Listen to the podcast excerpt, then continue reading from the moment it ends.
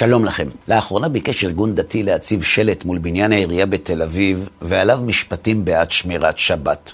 מנכ"ל חברת הפרסום סירב לבקשה ונימק את הדברים שלו במילים הבאות. במדינת ישראל, הוא אמר, יש מסרים שיכולים להפוך למישהו את הקופסה, והם מסרים לגיטימיים בעיני ציבור אחד, ובעיני ציבור אחר לא. הרי הכל פה כל כך אימפולסיבי, הוא אמר, כל כך רגעי, זה מטורף מה שנהיה פה. המצב מאוד מאוד לחוץ, ואני לא לוקח את עצמי כשפן מעבדה במקרה הזה.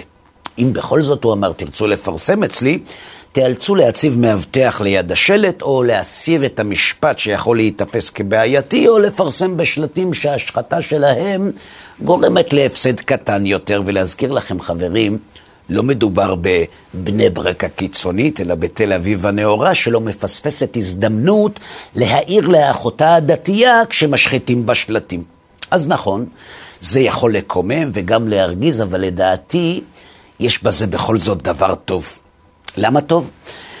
כי כשאנשים לא דתיים משחיתים שלטים זה אומר שהם חזרו בתשובה, שהם לא משאירים את הבמה רק לחרדים ושגם לדת שלהם יש מה לומר. ולמה זה טוב? זה פשוט מאוד, כי אם מקובל לחשוב שהכפירה שתפקוד אותנו לפני ביאת משיח היא קללה, מסתבר שטמונה בה גם ברכה. למה ברכה? כי הכפירה מחנכת להציב במרכז החיים את האמת ולא את הנוחות. שאלתם את עצמכם, למה הכופר כופר? הוא כופר בגלל האמת, בגלל שהוא לא מאמין שהאמת עליה הוא חונך היא אכן כזאת, ולכן הוא ממציא לו אמת חדשה. אבל מה יקרה כשהכופר יגלה שהאמת החדשה שהוא המציא לעצמו לא אמיתית, ושדווקא האמת הישנה עליה הוא חונך היא האמת האמיתית? האם באותו רגע הוא לא יקבל אותה עליו? לכן התורה הבטיחה שהכפירה תופיע לפני הגאולה. זה מתוכנן, כי לפני הגאולה עם ישראל צריך לחזור בתשובה, וכדי שזה יקרה, צריך להציב את האמת במרכז החיים ולא את הנוחות, וכדי שזה יקרה, יש צורך בכפירה כדי שתדחוק את הנוחות ותכשיר את הדרך לחזרה בתשובה.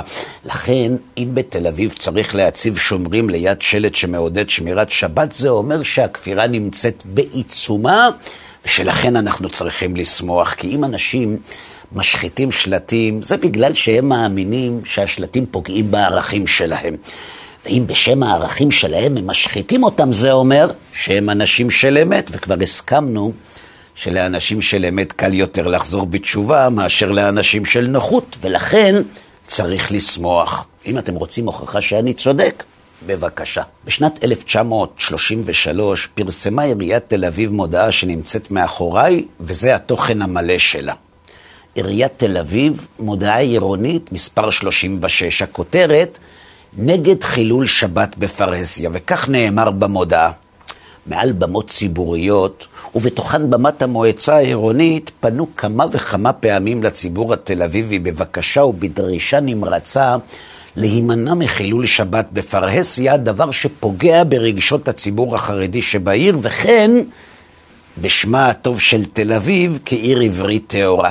לצערנו, כתוב במודעה, הואילו הדברים רק במעט. אנחנו עדים לחילול שבת בפרהסיה מדעת, בייחוד על ידי בני הנוער, ומרגיזה ביותר הנסיעה ברוב שעון ותרועה ברחובות העיר, באופני נוע, אופניים וכולי. לפעמים גם ליד בתי כנסת בשעת התפילה.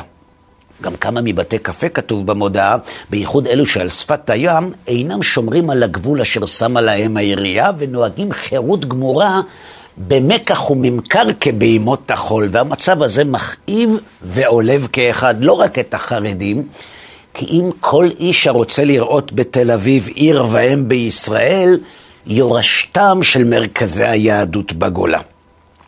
עיריית תל אביב, כתוב במודעה, פונה איפה שוב לציבור התושבים, וחדשים מקרוב באו שרבים מהם אינם יודעים אולי את מנהגי העיר הזאת, ומבקשת לנהוג כבוד בשבת ולשמור עליה גם בלי שוטר ונוגס. ואלה הם דרישותינו לציבור מפורט במודעה.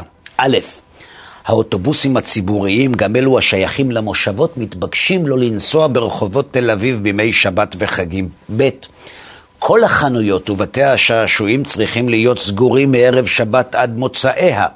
ומסעדות ובתי קפה יכולים להיות פתוחים רק בשעות הקבועות על ידי העירייה ובהסכם עם הרבנות הראשית, כפי שמפורט בחוק העזר על אודות שמירת שבת, שנתקבל פה אחד על ידי מועצת העירייה. ג' כל בעלי המכוניות הפרטיות ואופני הנוע מתבקשים לא לנסוע בעיר בימי שבת וחג. ד' גם בעלי עגלות ומכוניות לא יהודים מתבקשים לא לנסוע לפני בתי הכנסת בשעת התפילה בימי שבת וחג.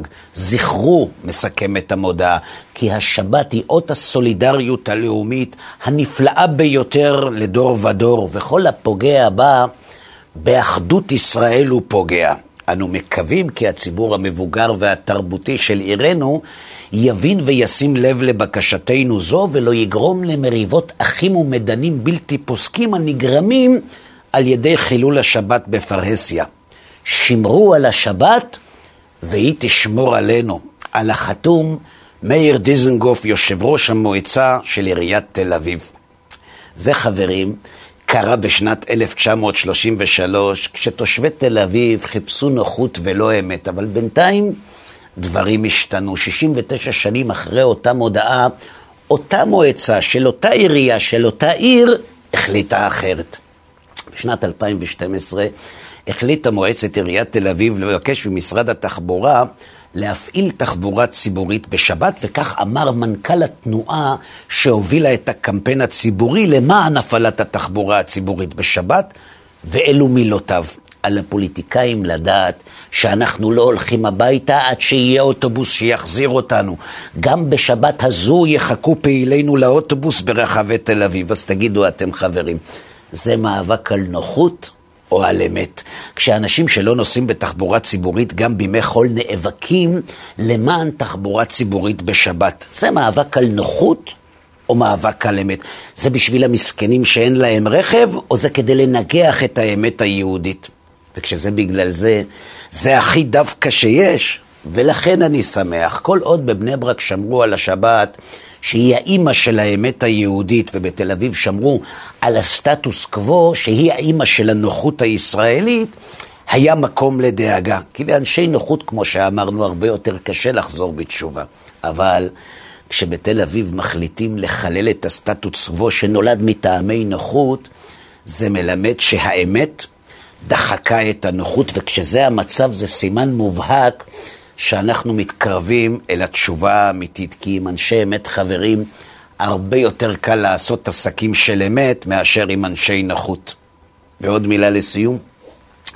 אם אתם מזדהים יותר עם דבריו של ראש העיר של תל אביב משנת 1933, זה אומר שאתם כנראה כבר שומרים שבת. ואם אתם עדיין מזדהים עם דבריו של ראש עיריית תל אביב משנת 2012, זה אומר שאתם לא שומרים שבת. זה אומר שאתם בדרך לשמור אותה. ואם זה לא לימוד זכות על עם ישראל לפני ראש השנה, חברים, אז תגידו לי אתם, מה זה לימוד זכות? שנה טובה.